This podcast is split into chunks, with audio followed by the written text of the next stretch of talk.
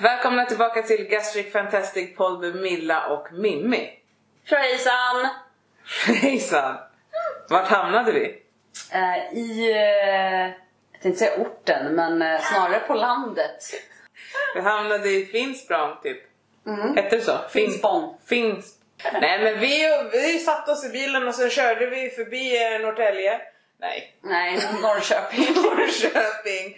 Utåt mot landet. Vi tog höger vid en hästgård och en busshållplats. Ja, Och sen hamnade vi vid ett hus med, ett blått hus med vita knutar. ja, det gjorde vi. Och där har vi en gäst. Som får presentera sig själv. Ja, hon får ju göra det alltså. Men eh, eh, jag kan ju säga så här att jag och den här eh, gästen har eh, följt varandra i tre år. Vi har opererats samma månad med dagar liksom emellan. Och eh, ja men haft koll på varandra liksom. Jag tänker du har stöttat mig när jag har haft det jobbigt och jag har försökt att ge tillbaka nice pepp. nice pepp när du har haft det tufft liksom. Eh, och du har ju också hängt med, med henne ett tag. Kanske ett år, någonting sånt. Något podd när vi, in och precis när vi började podda och sådär tror jag Mm. innan. När jag började umgås med dig Jag jag dök upp mer på di, ditt flöde tror jag. Ja. Nej men Ja. jag tycker den här eh, bruden är asball så jag lämnar över till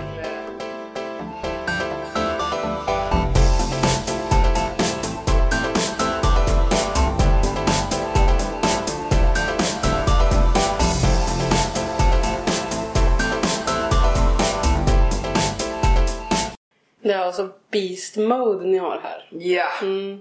A.k.a. Marre kan vi säga. Men Marre, Mm. nu har vi landat här och sitter i ditt kök. Ja. Vi har ja. precis intagit en fantastiskt god lunch. Och det var en hel kyckling. Ja, det var, Med skelett och allt. ja. Jag fick lägga upp kyckling åt Mimmi. Men det var jättegott. Ja. Eh, och som eh, minimagar så var det ju också, jag tycker alltid att det är lika intressant att äta middag med minimagar. Mm. Eh, för det är så mycket mat Ja. och det är fortfarande lika mycket mat när man är, när man är Ja. klar. Det är ju det. Men sen som sagt så är ju policyn här hemma att man ska aldrig gå härifrån hungrig. Nej. Någonsin. Nej. Så det finns alltid mat här. Men är det, var kommer det ifrån då? Att man inte ska gå hungrig? Det kommer mycket ifrån både från mig och min sambo. Alltså, det ska... Alla ska bara kunna bli tillfredsställda. Alltså, med vad de tycker om, hur mycket och lite eller vad som helst. Så, ja. Men har det något Och att det, göra med... nu, nu, nej, det har det inte. Jag vet vad du syftar på. Men nej, det har det inte. Utan det är mest bara att det ska bara finnas. Alltså, och man ska kunna äta sig mätt. Eh, och det kom till när vi väl flyttade hit till huset. För då köpte sambon sig sin inflyttningspresent och det är ju den där bjässen till grill som står här ute. Så då var det det att då skulle det grillas sommaren och det liksom alla skulle kunna komma hit och äta sig mätta. Så det är det som är. Fattar. Ja. Nice. Ja. Ja det är nice. Alltså det är ju nice att kunna vara mätt. Ja. Men det, vad är det för operation du har gjort och berätta gärna liksom lite kring... Jag opererades den 2 oktober 2019 och då blev det en gastric bypass. Det var inte tänkt att det skulle bli en gastric bypass. För jag strävade efter att få en sleeve faktiskt. Men eh, i Östergötland och just på Vrinnevi sjukhus där jag är opererad så gör de inte sleeves. Okej, alls? Nej. Jo, om det är så att datorn bestämmer. Ah, när man är i den här... äh, Ja, när man är med i Studien. eh, Bäst Bäst studien. Så jag gick med i den. Mm. Eh, så på min operationsdag så var det en dator som bestämde åt mig att jag fick en gastric bypass istället för en sleeve. Så då var det bara att acceptera det. Så det var liksom att antingen gör vi en gastric bypass eller så är du med i studien och då är det 50-50. Ja. Och du tänkte då är jag med i studien för då kanske jag får en Ja, sleeve. precis. Fattar. precis. Blev du besviken? Eh, eh, ja, några sekunder. Eh, sen så rök, alltså rökte man, man bara röks med med att nu ska vi in på operationsbordet och hit och dit. För det var precis bara, alltså typ när man gick över gränsen in till operationsrummet som man fick reda på vad man fick. Så det var liksom bara så här smack, smack, smack och så bara in. Jag fattar. Mm. Det som gjorde att jag helst ville ha en sleeve från början är ju att min syster är gastric bypass opererad. Mm. Och hon fick en hel del eh, komplikationer. med tarmvred och sån här invagination med tarmen och det hit och Okej. dit och slitsla, slitsar. Ja, sånt problem. Eh, och då så fick jag för mig att jag, men då vill jag ha en sleeve. Rakt av bara. Och då hade inte jag varit med eller ens börjat att kika i några sådana här grupper på sociala medier eller ingenting. Så jag hade inte så mycket i bagaget ifrån någon annan ärligt talat. Utan det är min syster som är liksom så.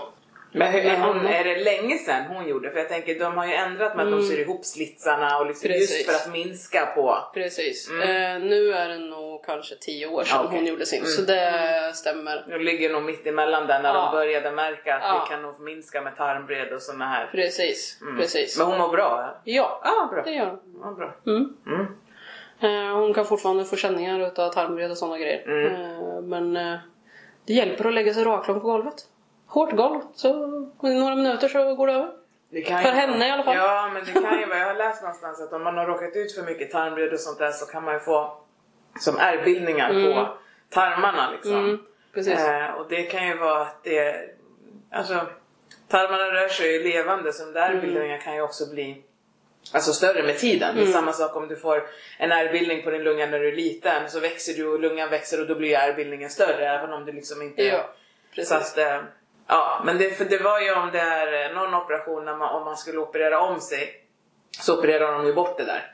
Det är att man gör en uppdatering av gastric bypass typ och då får man med att man tar bort, jag tror att den heter diagostal någonting gastric. Det, är- det är inte många som gör den, jag tror det är en bara som en eh, klinik som gör det. Men då opererar de ofta bort sånt och det är ju de äldre gastric bypass operationerna där man har haft mycket problem med tarmvred och sånt som de Precis. korrigerar typ. Precis. Mm. Men jag tänker, hur, hur nådde du beslutet till att faktiskt opereras? Ja, jag gick ju i operationstankar fast på ett annat sätt i flera år innan jag kom fram till att jo men det är det här som jag personligen behöver. Ehm, de åren så gick jag i förnekelse till att jag skulle behöva ha en operation. Vi snackar alltså om 6-7 år. Du menar att du inte ansåg dig själv vara sjuk i fetma? Ja. Och att jag nästan föraktade de som gjorde en operation. För att? För att jag själv hade fått intryck i huvudet att det bara är att träna och äta Ja, mindre och hit och dit och sådär och jag ska kunna klara det. Mm. Och då på något vis så blev det att då såg ju jag så om andra som gjorde operationerna också. Mm. Att ni tog den lätta vägen. Mm. Ja, sådär som man blir intryckt. Mm. Fördomar. Mm. Ehm, men sen så small jag i väggen typ, princip. Ehm, och blev så... Ja, jag mådde riktigt dåligt i min kropp. Alltså fysiskt hälsa. Ehm, jag fick... Eh, led jag högt blodtryck i två år innan eller tre år, det var nog kanske mer också. Och så med sköldkörteln har jag problem. Ehm, och det bara, jag mådde skit. Ehm, och plus då självhat, något så extremt. Ja. Så det som fick mig till att vända var ju att jag eh, helt enkelt ville inte leva mer. Fattar. Ja. Ehm, och då blev det ju, alltså jag mådde ju dåligt väldigt länge där men sen så var det bara att nej men självklart ska jag ju inte ta mitt eget liv. Alltså på grund av det här. Och det var väl där någonstans som jag insåg att jag måste bara acceptera att det är det här jag behöver. Var det några runt omkring dig när du var eh, i det liksom mörkaste mörka som snappade upp att nu, nu, nu är det på väg åt, åt pipan här, vi måste... Nej, Nej. Jag ringde min syster eh, den kvällen när jag väl hade bestämt mig. Eh, min syster bor inte nära mig så det är bara telefonsamtal som jag har med henne liksom, till att kunna prata med henne. Jag har pratat med henne nu på senare tid om det här, just det här samtalet och så. Inte ens hon, hon då uppfattade att allvaret, all, allvaret i det samtalet. Så jag kunde inte ens förmedla där och då att det var så illa. Du hade, du, du hade alltså bes- du ringde för att ta farväl, förstår jag rätt Nej, då? nej, nej, nej. Utan jag ringde för att få stöttning i att kunna ta beslutet om att välja en operation. Ja, jag förstår. Ehm, men jag på något sätt försökte ju även få fram att jag mår så här dåligt så jag har de här tankarna. Okej. Men hon kunde då ändå inte uppfatta att det var så illa. Nej. Och där har jag väl någonting i mig att jag trycker undan allt sånt här. Det är ju sånt som man inte ska visa någon hur man egentligen mår. Mm. På vilka grader man mår. Men innan när du sen sökte för operation fick du gå igenom något så här, liksom, Ja. samtal och, Ja, och då kom det fram kom fram vad då? att du har mått jättedåligt. Nej. Du vet att där är jag fullt medveten om att logiskt tänkande, eller inte logiskt tänkande, det, alltså, jag vet att man kan bli stoppad i en sån här process. Ja, om man väl visar sig ha väldigt dåliga alltså, tankar om sig själv och psykisk eh, ohälsa överlag. Att det kommer ta längre tid att kunna få och bli godkänd på en sån här operation. Råder ingen till att göra så som jag gjorde. Nej. För jag drog på ett smile. Mm. Eh, på alla mina... Nej, jag råder ingen till att göra det. Men kändes det äkta när du drog på det där smilet och satt där eller var du medveten? Tänkte du så här, de ser mig nu? Nu ser de rakt igenom det här. Mm, nej. Eller var du liksom happy när du var där? Alltså jag var mig själv. För jag i, i eh, grupp eller när jag träffar folk eller någonting sånt här så har jag en fasad. Mhm. Så, Har du det nu? Ja, lite delvis. Mhm. Varför? Nej men det eh, ligger i grunden. Ja, men alltså det ligger i min uppväxt typ. Är det att du ska... Är det people pleasing? På Det är nog mer att skydda mig själv Okej. eh, grej. Mm. Eh, som vi pratade om i maten här förut, är väldigt mobbad som liten och sådana Mm. saker. Så då har det blivit att för att skydda mig själv så har jag en fasad. Visar andra inte hela mig. Nej. Och det kan också vara så att i olika grupper, för jag har under min tid haft flera olika vänskapskretsar, olika vänskapsgrupper. Visar aldrig samma typ Jag av fattar. personlighet i grupperna för de är så olika så då kan man vara Man anpassar sig lite och är en kameleont för att det ska funka. Ja, ja. Om man delar det som man tycker att det är okej att dela. Men då får ju aldrig någon riktigt veta vem man är. Och det är inte så konstigt om man hela tiden också är missförstådd. precis. Mm. Mm. Fattar. Jag tänkte säga det. Ja. Ja. Nej, så de där eh, samtalen och allting gick ju väldigt bra. Så från att jag ringde till WC Mm. och bad om att kunna få en remiss och bli utredd för det här. Så tog det fem och en halv månad och då var det ändå sommaruppehåll. Jag fattar. Det gick ganska fort alltså. Yes. Men hade du då eh, dokumenterat viktnedgångsförsök redan? Dokumenterat. Alltså jag har som liten fått ha matdagbok. Ja, men då finns det i. Ja. Ja, för ofta är det ju att de säger när du ringer första gången eller vad det är. Så att det ska finnas dokumenterat att du har försökt gå ner i vikt. Och då Dock är det, så ja, var det här i Finspång, alltså på vårdcentralen i Finspång. Eh, Jag hade ingenting. Sä, säga vad man vill säga men alltså det är inte så bra. Eh, de tittar ju inte så mycket i papper. Alltså de frågade mig och sen skrev upp vad jag hade försökt. Och jag antar att det är därefter de skrev in ett Samma här. också. okej. Ja. Mm. För jag blev ju, själv blev jag ju remitterad till sådana här eh, tjockisläger. Men jag kom okej. inte in för jag var inte tillräckligt fet. Nej. Så att jag fick gå på med dietist. Och hon sa till mig att dricka olivolja. Så att. Ja, det är ju Ja, stört bara. ja ja. Ja. Eh, så att, eh, och jag var så här, eh, nej. Nej, precis. Så att, eh, ja men sen efter det så fanns det dokumenterat och då gick remissen till Ersta. mm. Liksom. ja, nej men jag har ju haft, alltså jag har ju gått hos dietister och sånt Mm. också. Men då finns det ju Ja, att du har precis. försökt. Ja. Liksom. Mm. Ja. Men eh, nej, på alla de här mötena och så, så var det ett smile. Mm. Och ja, pratade väldigt ytligt fast ändå, det är ju då man får ha det här fyra samtalet, eller det sista samtalet eller vad man ska säga. Mm. Eh, så får man ju prata med en psykolog eller vad man säger, kurator Mm. heter det väl. Ehm, och då, hon frågar ju ändå mm, halvtunga frågor. Mm. Men det var ju ändå lätta svar fast ändå förklarat till att ja, eller man tycker inte om hur man ser ut när man är utan kläder. Badstranden, ja jag är i vassen. Ja men alltså så här, Mm. såna här grejer. Alltså, ja jag var mobbad som liten, tjockis. Ja men så här standardsvar nästan. Mm. Eh, och det räckte. Ja men alltså så. Ja. Mm. Och hur kändes det efteråt? Nu när du har gjort operationen och vet om de här standardsvaren som du gav. Tror du att det hade hjälpt att få prata och reda och bena ut det där innan? Ja, Mm. Finns inga tvivel om det. Med tanke på hur jag vet att och hur jag lever idag och hur jag mår idag eh, så skulle jag ha behövt mer hjälp. Hur mår du idag? Ehm, fysiskt, ja, nej. Alltså det, jag är inne i en svacka kan jag ju väl säga. Eh, både fysiskt och psykiskt. Eh, fysiskt rent utav för stress. Kroppen mår inte bra. Jag har sovit dåligt i flera månader. Och, men det är dels på grund av jobbet. Mm. Ehm, men det tar ut sin rätt. Så nu har ju jag börjat skada mig på gymmet till och med. Just bara för att man märker att kroppen tar skada fysiskt utav den inre stressen. Liksom. Mm. Men psykiskt i min själva resa och så, så mm, lider jag ganska så mycket utav eh, någonting som heter body dysmorphia. BDD.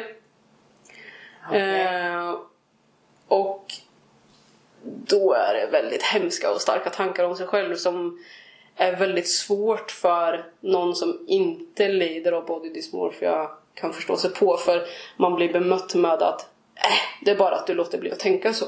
Eller äh, äh, ja men vadå, ta en större tröja. Ja men alltså, ja men vad som helst egentligen. Eh, man blir bemött med en liten axelryckning. Eh, Okej. Så man pratar gärna inte om det. Jag vet faktiskt inte vad det är. Nej, man har ju väldigt svårt att förstå sig på att det är mig jag ser i spegeln. Okej. Jag vet att du också har haft lite så Ja, med att kunna hitta sig själv i spegeln, liksom. alltså se sin egen spegelbild så här. Men sen så är det ju verkligen det här med att du vill verkligen fysiskt spy när du ser dig själv i spegeln för att du verkligen inte tycker om dig själv. Eh, hur du ser ut. Vissa dagar är det mycket jobbigare än andra. Och det är ju på den graden också att man vill vara självdestruktiv. Mm. Men det är jag inte. Nej. det vill jag bara poängtera. Men min självdestruktivitet visar sig ju i att jag tränar och går till gymmet varje dag. Eh, och går inte därifrån förrän det har gått minst två och en halv, tre timmar. Och förrän jag är verkligen slut. Men vad är det som... Eh, jag tänker liksom om man tänker innan operation Mm, och nu efter operation. mm. Är det någonstans i en förväntning och en egen uppsatt bild av hur du ska se ut som gör att du Nej. inte... Eller vad? Jag har reflekterat över det här och jag led ju av det här redan innan operationen också. Mm. Bara det att då handskades jag med de här tankarna och allting i att leva väldigt osunt i med mat och alkohol och bara vara alla andra till lags. Alltid finnas där för andra. Tänkte inte på mig själv för fem öre och sådana grejer. Så då blev det ju att jag sprang ifrån mig själv. Ja, men alltså jag flydde från mig själv i att åka och vara med andra, ta hand om andra. Jag körde runt på folk hela tiden och det var, jag var ute sent. Ja, men alltså där, även fast jag själv kanske inte drack alla gånger men det var jag som var chaufför. Det var jag som körde på alla och det, jag var med och det var hit och dit. Och, Ja, hjälparen liksom. Mm, så att man precis. hela tiden kände sig behövd så man Precis. inte behövde ta hand om sig själv. Exakt. Mm. Men är det någonting du får hjälp med då? Alltså får du någon typ av professionell hjälp? Nej, jag har inte sökt för det. Är det någonting du vill göra eller känner du att du klarar det själv? Jag tror jag är liksom? på eh, tippen med att försöka acceptera att det kanske är någonting som jag behöver söka för. Eh, det tar ju en liten stund innan man kommer över en gräns. Eller ja, sådär. Ehm, så just nu så försöker jag väl bara att samla på mig mer info om mig själv också. Ehm, handskas med det på något vis. Ehm, och sådär och sen se vart det är man behöver söka. Vem är det jag behöver prata med? Eller Mm. sådana saker. Ehm, men ett steg är väl att höra av sig till vårdcentralen först och främst antar jag. Men... Ja, eller privat. Ja, precis. Priva, alltså, Jag vet att inte alla har råd Mm. med privatvård och liksom så här. Men det är sån jävla skillnad Mm. på vård och vård. Och det är svindyrt med privatvård. Men jag har aldrig fått så bra vård Nej. som jag får när jag Precis. betalar för vården. Har man råd att betala för sin vård, Mm. gör det. Alltså, och jag är inte någon liksom blåankare. Nej. Men eh, det är jävla skillnad på vård och vård alltså. Helt Jag har sinnessjukt förstått det här. Ja, ja, ja. Under den tiden. Med sociala medier där, det är så olika. Det är jätteolika och jag tycker det är så sjukt att beroende på om du har råd eller inte så ska du få olika typer av vård och det spelar ingen roll om det är blått eller rött styre, det är fortfarande skit. Mm. Alltså Ja, verkligen. ja. Absolut. Så att, eh, men jag tänker också att på tal om vård och så här, privat och inte privat och Hej! Hej! det är okej. Ja, Villa ta över. Jag blir stressad. Ja men gud. Ja okej, ja. Äh, vad heter det? Du gjorde ju, har gjort plastikkirurgi. Stämmer. Ja. Mm. Är du bekväm att prata om det? Ja, det. Okej, bra. ja. Vi vet att du gick via primär. Ja, landstinget. Ja, landstinget. Precis. Eh, Berätta och det om den. var ju... Ja, det var på min tvåårskontroll för gastric bypassen som jag tog upp det. Ehm, och då visste jag redan innan mm, kraven för en bukplastik eh, i vår, mitt landsting. Ehm, och då har vi det här med normalt BMI. Uh, man ska vara viktstabil i sex månader. Det skulle vara minst 3 cm bukhäng, hud Okej. mot hud. Ehm, och sen så styrker diverse andra eh, problem ett sånt här beslut också. Till exempel psykiska problem tack vare lös hud och eksem och lite sådana saker. Så innan mitt tvåårsbesök så bestämde jag mig för att göra någonting som man egentligen inte ska. Eh, ja, jag gjorde en vätsketömning utav kroppen. Eh, totalt. Eh, ti- tio dagar. Vad är det? Man tömmer kroppen på vätska. Hur mådde du? Eh, mådde sämst. Mm. Eh, och fysiskt sett så gjorde det ont i kroppen. Okej. Det gjorde ont i musklerna. Mm. Jag trodde att ryggen skulle gå av dagen innan. För Det är att, att det det inte, ja, för att det orkade liksom inte Nej. bära upp eh, kroppen. Liksom. Mm. Kroppen behöver vätska Ja. kan jag säga. Drick varje dag. Mm. Ja, nej, men eh, så jag lyckades nå alla de kraven. Mm. Ehm, så remiss skickades. Ja, så jag blev kallad dit med på möte. eh, för att göra en sån här koll så att man skulle få ja, nå kraven. Så då gällde det ju att hålla det här fram tills dess också. Mm. Eh, vilket man inte gör när man har gjort en vätsketömning för så fort du börjar äta och dricka normalt igen så tjoff, så går det upp det här igen som du precis har gått ner på tre dagar. Mm. Eh, och så då gjorde jag en gång till Nej men fan. inför det här mötet. Ja. Eh, Du mådde lika bra? var inte lika strikt den gången. Nej, okej. Var jag inte. Nej. Eh, för jag märkte hur dåligt jag mådde första gången. Mm.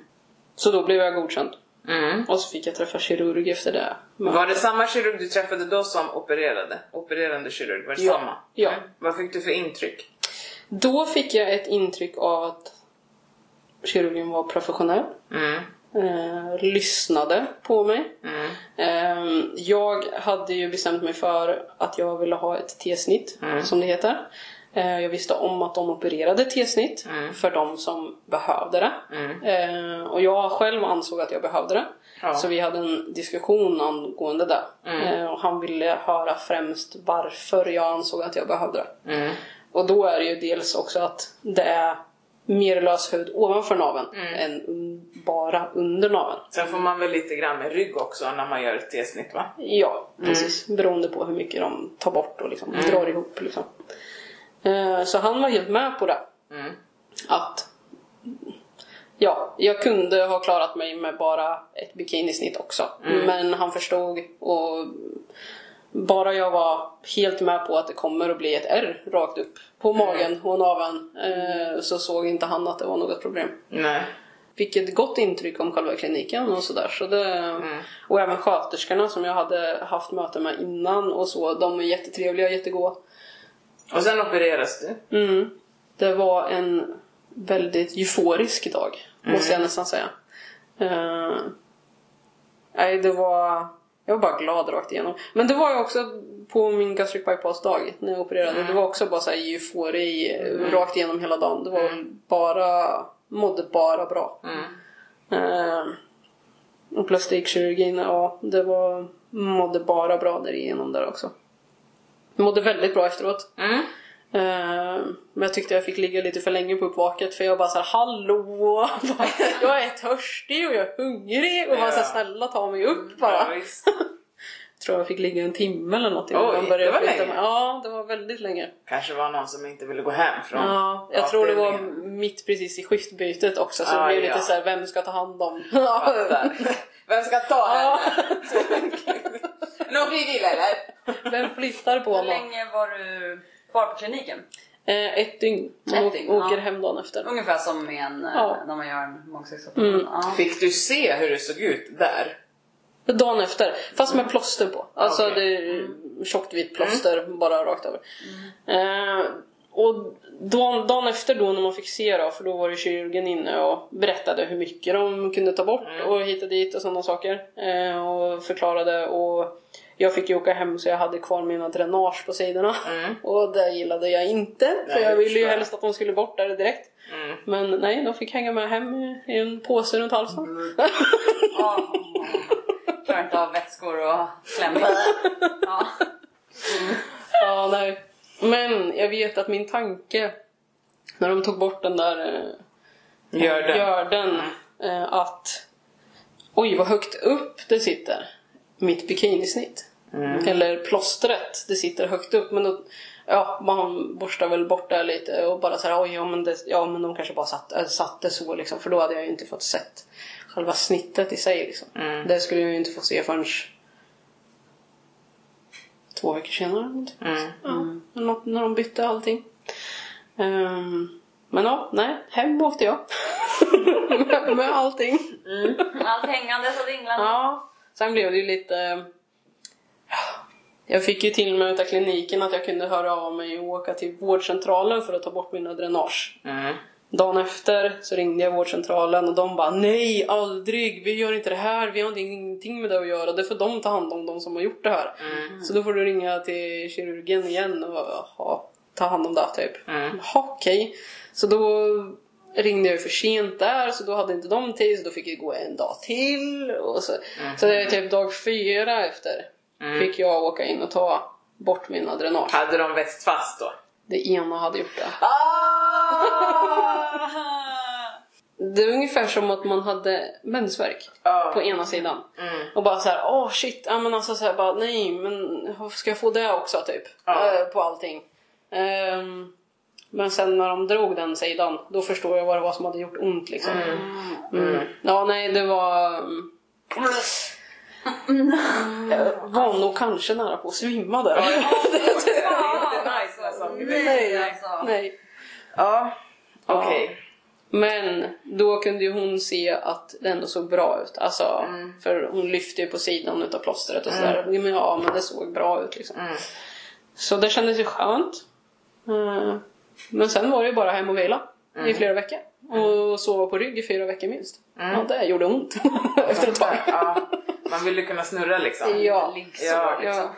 Eh, Men eh, sen bort med stygn eller hade du tråd som försvann av sig själv? Försvann av sig själv. Nice. Så det är ingenting som behövs. Försvann allting? För jag vet att vissa kan ju få så här att det inte vill släppa och det kommer ut så här och sen så blir det var. Jag fick ju att under de här fyra veckorna i alla fall, jag tror det var fem veckor med, för jag behövde längre eh, sjukskrivningstid än fyra veckor.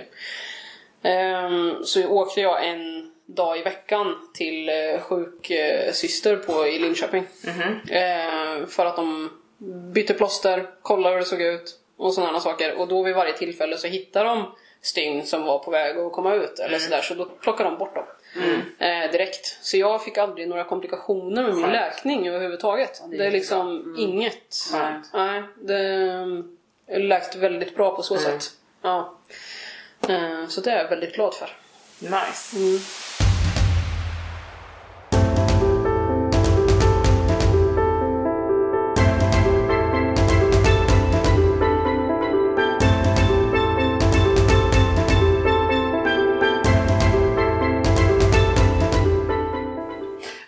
Vet också att du har kört en second opinion. Ja. Eh, Efter sex månader så får man ju åka tillbaka in för att se hur saker och ting ser ut. Hur det har läkt och sådana saker. Eh, Och då kan man ju även få be om en korrigering om Eftersom att det här var genom landstinget så får ju de ta en bedömning om de vill göra en korrigering överhuvudtaget, om de godkänner det ens eller så. Så jag bad om en korrigering. För att mitt bikinisnitt, så att säga, som går från höft till höft, tycker jag sitter för högt upp i mitten. Så man kan tänka sig att jag ser ut som en, en kattmun, ungefär. Om man tänker att det går upp i mitten. Så, ja. Ja, ja. Ehm, så jag skulle ju hemskt gärna vilja att det sänktes. Mm. Och så som jag tänker i mitt huvud, så självklart, det är ju inga problem med det tänker jag. Ja. Men lossna lite, eller lossa lite på det och sen bara dra ner det och så sätta ihop det igen och så fixa det med typ ungefär. Liksom bara, Ja. Nej, men eh, den, eh, det bemötandet som hände där och då på min eh, sex månaders kontroll eh, blev inte så bra. Nej. För jag påpekade vad jag menade och vad jag ansåg var fel och att det satt för högt upp. Eh, varpå jag får till svar att direkt jag blir nästan avbruten i meningen att nej, det går inte att göra någonting åt. Nej, varför inte det? Alltså, nej, nej men det går inte. Det går inte. Det går inte alls. Okej. Eh, ja, för du ser ju, jag bara börjar att mala lite så här eh, som man gör när man blir ställd. Ehm, och då får jag tillbaka att det är bara att du drar upp trosorna så kan du ju dölja det där. Och personen i fråga tar tag i mina trosor och drar upp dem. Ja, Och den här, vi har anmält den här personen. ja, Bra, det är bra. anmält. Ja. Fick hjälp Bra. eh, utav Tina. Shoutout till dig. Mitt liv som Tina. Ja, precis. Så ja.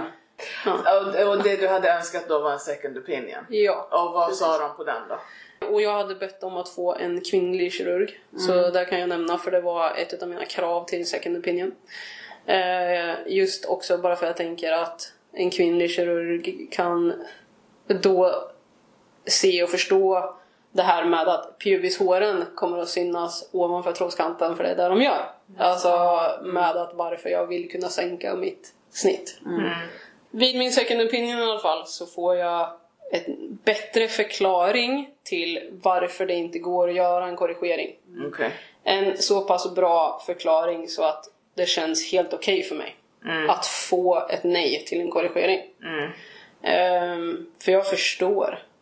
Alltså när man får en sak förklarad till sig med ren fakta. Och även alltså, kirurgen i sig då ja, men verkligen kollar på ärret och går igenom flera olika strategier för att kanske kunna göra en korrigering och bara kommer fram till att nej, det skulle ändå bli det här resultatet. Det skulle kunna klättra ännu högre upp än vad det är i dagsläget. Eh, om man skulle försöka sig på en korrigering och liksom bara gick igenom allting. Och där i mitt allt så dyker då den andra kirurgen in och bara ursäkta, skulle jag kunna få säga ett par ord? För då har han stått tyst under hela tiden. Han har bara stått i ett hörn typ och tittat. Eh, så då tar han faktiskt upp en till strategi. Går det inte att göra så här? Om vi tänker så här. Så då var ändå han i funderingarna till att faktiskt om det skulle kunna gå att göra en korrigering. Så båda de här två gick ändå igenom olika med att se om det skulle kunna gå men det var liksom ett nej. Och därför att det är ett nej är ju för att den opererande kirurgen har lagt snittet för högt upp redan från start. Det finns ju skriftliga Finns det riktlinjer på Ja, hur precis. det ska göras? Mm. Ja, precis. Så, så heter det. Riktlinjer.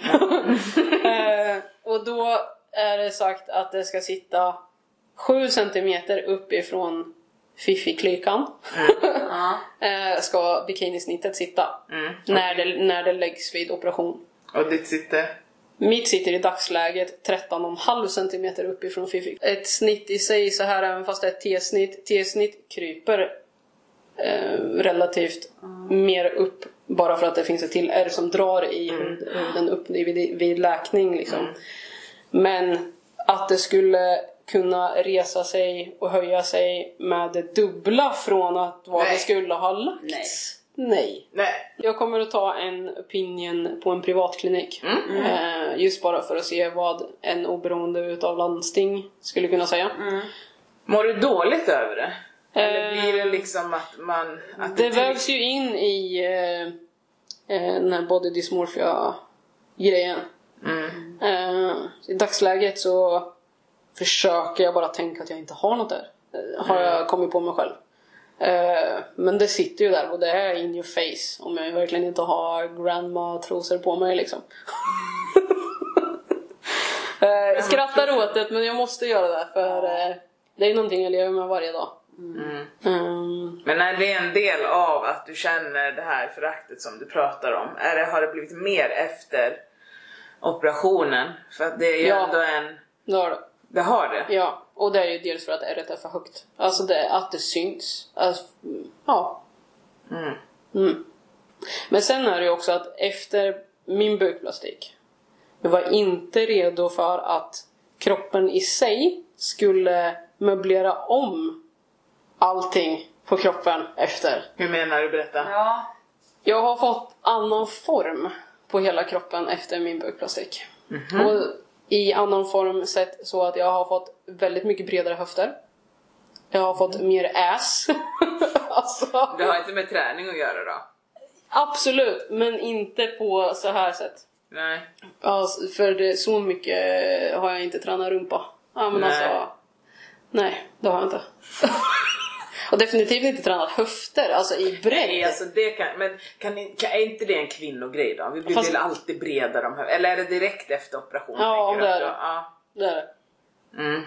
Jag har aldrig haft alltså, så att säga breda höfter. På päronform sett. Nej. Nej. Eller är det att du fick bort Det kan det också vara. Och sen så fanns det faktiskt Möj- där? möjligtvis. Mm. Mm. Men Men, jag var inte var beredd. beredd. Nej precis, jag var inte beredd på att det skulle bli en annan form. Nej. Alltså så. Men hur, om man säger all in all, alltså du vet så här, hur någonstans känner du att, för det, vi pratade lite om din eh, bypassresa men liksom har du haft också, har du haft några komplikationer eller har allting där gått smooth liksom?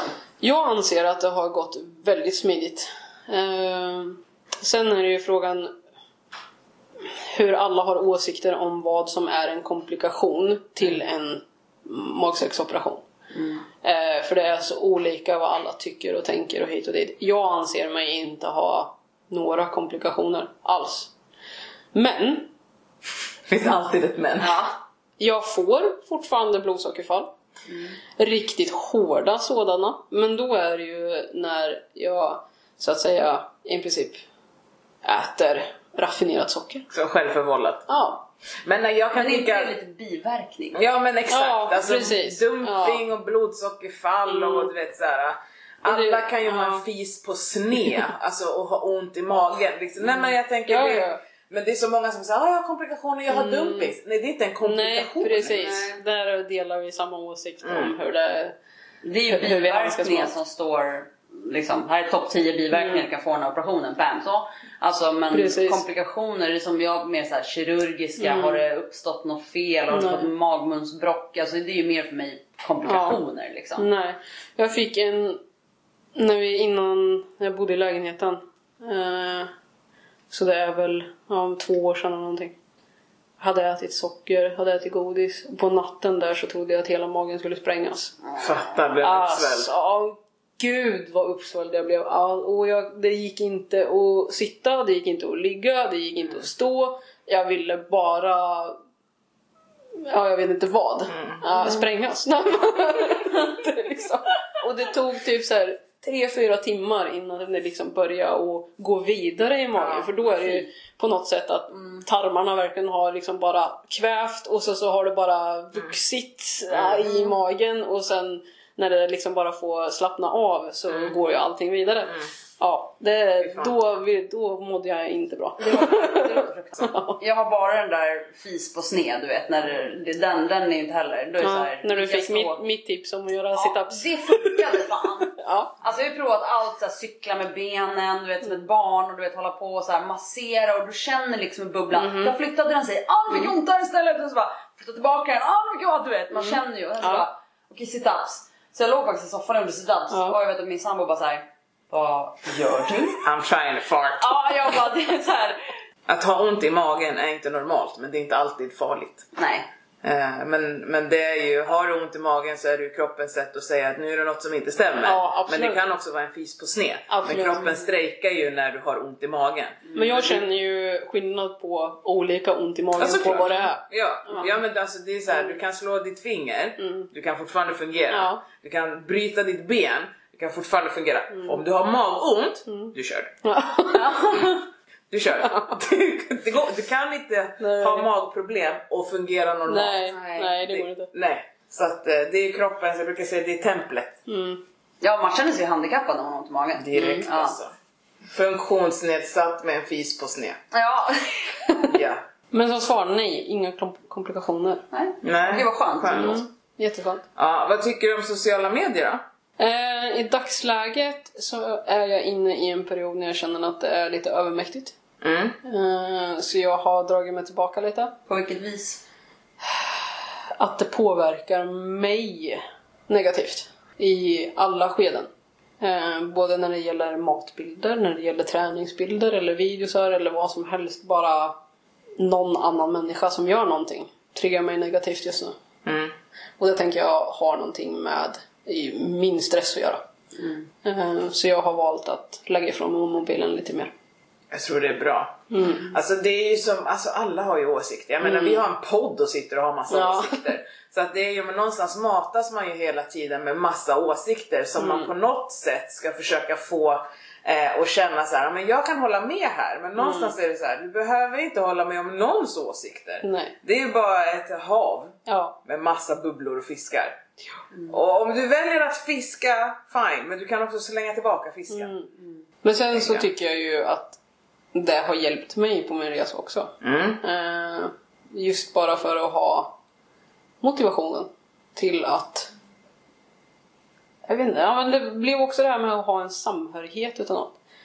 När man har varit mobbad större delen av livet och sådana saker och då kunna hitta en platå där vi alla är lika i princip. Ja, men, och vill ha samma mål. Ehm, sen har mitt mål aldrig varit att bli smal. Aldrig någonsin. Ehm, men sen så absolut så styrs jag också utav siffror. Ehm, Har du en våg eller? jag har en våg, men jag väger mig inte på den. Okej. Mm. Fattar. Varför har du kvar den? Ehm, för att jag delar boende ihop med en till som... Som tycker om att väga sig eller? Nej, men eh, ibland. Mm. Eh, så sett. Eh, jag har bett honom att eh, gömma den ibland. Mm. Väldigt dåliga ställen. Alltså, jag men, ja. Nej, men jag, så här, jag hatar inte vågen. Nej. Men jag tycker ibland, och jag vet själv att jag har ett väldigt osunt, eh, en osund relation till Mm. våg. Men, men det som blir i början är ju så här, shit jag går ner. Mm. Oh my god, på riktigt, jag, jag går fortfarande ner. Jag äter mat, Mm. men jag går ner i vikt. Va? Har jag droppat ännu mer? Äh! Men till slut så blev det ju så här. Det är ju inte siffrorna som definierar, för Nej. även om jag droppar så mår jag skit nu. Ja, Vad. Mm. fuck, hey, jag ska ju må bra. Men jag droppar ju, men jag mår ju dåligt. Vad är det som... Bort med vågen. Mm. För då, när man väl får börja gå ner Ja. i vikt så insåg jag i alla fall att så här, ja men det har inte ett skit med siffrorna att Nej, göra. precis. Jag har alltid trott att de med siffrorna, för det är till exempel det som man får lära sig på Biggest Loser. De har deras tickande, tickande, tickande, tickande och så står det minus 12 och alla gör en woohoo! De blir skitglada men det är såhär, nej jag blev ju inte glad. Nej, precis. De luras. Ja. Så det är därför jag säger Men det är just det, alltså, det det bara är. Det är bara en siffra. Säger ingenting mer. Nej. Överhuvudtaget. inte ens lite. Vad brukar du säga? Tyngdlagen till, vad säger du? Dragningskraften till jorden? Ja, det är alltså min vikt kontra dragningskraften från månen till jorden och allt sånt där. Så det, det, Mm. det spelar liksom ingen roll vad den där siffran säger för jag väger ändå väldigt mycket mindre på Mars. Ja. Så Men om man nu ska prata om det här med viktnedgången i Mm. sig med gastric bypassen. Jag kan ju ärligt säga att på min ettårsdag Mm. efter gastric bypassen så slutade jag gå ner i vikt. Så jag gick ner i vikt ett år i princip efter min magsäcksoperation och sen så slutade jag och gick ner Helt. i vikt. I dagsläget så går jag ner och upp, alltså sådär. Men efter min ettårsdag så gick jag så att säga upp mina de där standardprocenterna. Och så har jag i princip legat så eh, sen dess. Mm. Ja, min kropp har i dagsläget, skulle jag säga, hittat sin alltså, normalvikt eller trivselvikt som det sägs. Mm. Eh, och det är definitivt inte den vikten som jag gick ner till vid ett års dag. Nej. Och hur känns det? Idag så känns det ganska okej. Ja, för det är ju någonstans det här best weight. Ja. Den bästa vikten för dig. Mm. Och det är ju någonstans att en människa måste ju någonstans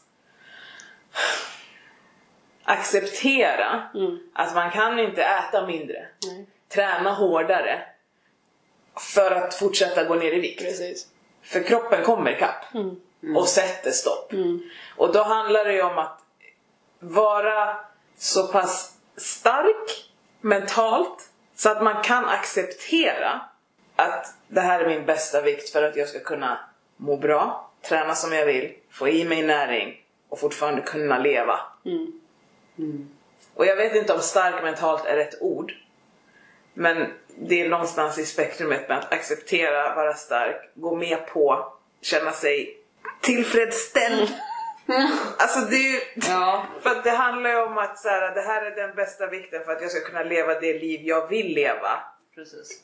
Utan att behöva tänka på att jag måste ner i vikt. Eller jag måste ha en annan typ av kropp. Men det är också att acceptera sig själv, sin kropp, sitt, sitt, alltså bara sin existens blir det väl liksom på ett sätt också. Så att jag menar, men det är inte, det är lättare sagt än gjort såklart. Så. Men jag tror någonstans att det är svårare. Det här kommer att låta jättekonstigt men nu säger det bara. Jag tror att det är svårare för någon som har varit överviktig att acceptera att man har gått ner i vikt men inte hamnat där man tror att man ska hamna idealmässigt för att må bra än någon som aldrig har varit överviktig. För jag i mitt huvud någonstans strävar fortfarande efter att men okej jag är liten i kroppen men jag måste må bra också. Alltså för, så jag är inte nöjd, jag är inte klar för att jag mår ju inte bra. Och Jag det är kommer jag helt med aldrig... på vad du menar. Ja, men jag vet inte om jag får fram det. Men man har ju... Och jag tror inte att någon som är, aldrig har varit överviktig har det här äh, att... Utan de är såhär, men jag går ner 5 kilo, jag är nöjd. Ja, ju, det blev nice. Men jag är så här: okej jag har gått ner i vikt, fine, jag är liten men jag mår inte bra så att jag är inte klar. Mm. Jag är fortfarande inte där. Är det för att man tänkte att när man har gått ner i vikt så Ska man- ska man också må bra Ja. både psykiskt, fysiskt och, och såklart. det är regnbågar och kossorna skiter i Men regnbågar. där har du ju också hela vården där vi har blivit matade med Ja men exakt. att har du ont i foten när jag går ner i vikt så blir det bättre. Och då Ja. är det liksom så här att allting är ju relaterat till att gå ner i vikt så mår du bra. Exakt. Alltid fått I alla kategorier Ja. liksom. Alla det- kategorier. Så att, och då som du säger då blir det så här, ja men du är liten men, ja, men okej nu skulle jag ju må bra. Nu skulle jag ju känna mig som regnbågar. Men Nej men och då blir det det där att man lite grann, jag blir ju rädd då och rädsla är ju ångest och då blir jag så här att okej jag kommer ju aldrig må, okej, nej, okej. Men hur ska jag må bra då? Behöver jag gå ner ännu mer? Är det det som är? Behöver jag träna ännu hårdare? När kommer jag få må bra då? När kommer det där, ah, nu är du där. Vem vet? Och det är därför den här best weight, jag brukar gå tillbaka till den ganska ofta bara för så här, kan inte, jag kan inte göra mera. nej. Vad ska jag göra? Jag kan inte, det går inte. Jag kan inte göra mer. Och någonstans får man väl försöka lära sig att acceptera att så här, du är klar. Det här är jag, nu bara tar vi och är här. Ja men den är svår. Ja, det, det, det, gud det ska jag inte säga någonting om. Den är, det är en kamp varje dag. Det är inget som man bara... Det är så lätt att, att, säga att ja men nu har du gått ner alla kilo, nu ska du må bra eller nu, nu är du väl jätteglad och, och sådär. Ja, eller? Är, är, man, är man verkligen det liksom? För att jag tror även att det är samhället också som ser att smal och lycklig, alltså det, det är ju det, är det. Och då, då blir det också att det ska vara så. Fast det inte ska vara så. Och det behöver inte alls vara så. Så att ja. Jag har ju hittat min grej och det är styrketräningen. Och jag hade i början svårt att förstå att kroppen väger mer vid styrketräning än vid bara konditionsträning. I dagsläget är jag fullt medveten om det. För ju hårdare du är i kroppen, ju mer väger du också. Alltså, så är det bara. Det... Och jag vill bli stark. Du är stark, Ja. det tvivlar jag inte en sekund på. Nej, Nej. vill bli starkare. Ja. Vill kunna lyfta mer. Vill alltså pressa kroppen. Vill se vart den kan gå. Mm. Med... Nu ska jag ju börja få öva lite mer på teknik och sådana grejer så att jag ska kunna ta tyngre saker. Eh, men eh, ja, nej, det är ju det jag har hittat som jag brinner för. Ja, ja men nice. Har du någonting som du vill liksom ha ut? Ja, det- jag vill väl dra ihop säcken med det här med Mm. att eh, eh, hur det måendet som gjorde att jag valde en gastric bypass. Mm. Det måendet finns ju inte idag på samma nivå alls överhuvudtaget. För när jag blev godkänd till min gastric bypass så var det som att flippa en pannkaka. I hur jag mådde. I hur att jag faktiskt inte ville avsluta mitt liv längre. Ehm, för då fick jag någon form av ett ljus. Någonting kommer kunna bli bättre. Ehm, och det har det blivit. Väldigt mycket har blivit bättre. Uh, ja, jag vill bara säga att om någon där ute, ni är inte själva. Det är okej att ha sådana här tankar, men prata med folk. Ta kontakt. Om inte annat, hör av er till mig om det är så. Alltså snacka med mig. Jag vet vad ni går igenom i sådana fall. Ja, och vi länkar till eh, din Instagram och Mm. till eh, Suicide Linje och sådär så att man kan eh, ta kontakt. För det är jätteviktigt att man pratar för jag tror att alltså man måste också vara uppmärksam på signaler. Om det är någon som har varit väldigt, väldigt deprimerad och tystlåten och tillbakadragen och sen helt, och liksom så man vet att personen, och sen helt plötsligt blir den personen jätteglad och börjar ge bort sina saker och den här kan du få, du kan ha det här och det är en jävla varningssignal alltså. Ja. Eh, så att det, man måste också våga agera när man Absolut. möter eh, sånt. Och jag tror att det är många som tänker att "Nej, men nu har det vänt, hon är glad, hon ska, Mm. eller han. Och, man kan vara den som kontaktar åt någon. Mm. Liksom. Behöver inte ens ge bort saker, kan bara gå från att vara monodepressiv jätte till Mm. att bli dagen efter vara superglad och man tror att personen, oh shit den har börjat må bra igen. Och ta chansen att prata innan en operation. Mm. Mm. För operationen hjälper ingenting i hjärnan. Utan det hjälper bara kroppen fysiskt på andra sätt möjligtvis. Om, utan komplikationer och sådana saker. Men till viss del så kan det bli värre i skallen efter en operation än innan en operation till och med. Så se till att ni har rätt stöd redan från början. Verkligen. Mm. Ja, ja. Och de... Alltså... Nej men grejen är att många är ju precis som du själv berättade. Ja. Att säga, nej men de kan blåsa av en operation. Men det handlar ju inte om att du aldrig någonsin kommer att få hjälp med din sjukdom. Det handlar om att just nu så kan den hjälpen som du är berättigad att få förvärra din situation om du inte tar tur med det andra först. Ja. Så att det är liksom, du är fortfarande berättigad hjälp. Men börja i rätt ände. Men, ja. Ja. men har du någonting som du som liksom så här eh, utomstående vanlig mage vill berätta för alla som lyssnar som har vanlig mage som kanske, du är ändå med i gamet på något vis. Närmare än någon annan kanske. Ja, alltså är är- väldigt har du... med i min ja. resa. Säga. Har, ja, alltså egentligen har man en partner och de bestämmer sig för detta. Var stöttande och var förstående. Och är det så att man har haft en relation sedan innan, alltså den som sagt den har ju det här med skilsmässoperation eller vad man ska säga. Den här det kommer ju ske en stor förändring för personen. Var uppmuntrande för den personen försöker ju göra sig själv till sitt bästa jag eller vad man ska säga. Alltså, där, var stöttande och följ med. För det kommer, vara, det kommer vara kul på vägen. Man kommer få lära sig jättemycket. Och det är jättehäftigt. För hon, alltså, hon är en jädra inspiration rent ut sagt alltså, att se. Så att det, jag skulle bara säga liksom, åk med. Häng på. Vad fint! Ja, det var jättefint faktiskt. Jättefint. Ja, men då får vi faktiskt tacka för att vi fick komma hit. Tack för den, att ni ville komma. Ja, Jag grinar. Över lite här. Eh, Tacka för den fina lunchen och, och ja, för att ni ville ställa upp och vara med och snacka med oss. Mm. Och Mimmi gråter fortfarande. Det var fint. ja, det var jättefint. Ja, men tack för att ni har lyssnat då. Ja. vi hörs. Nu gör vi. Ha det bra.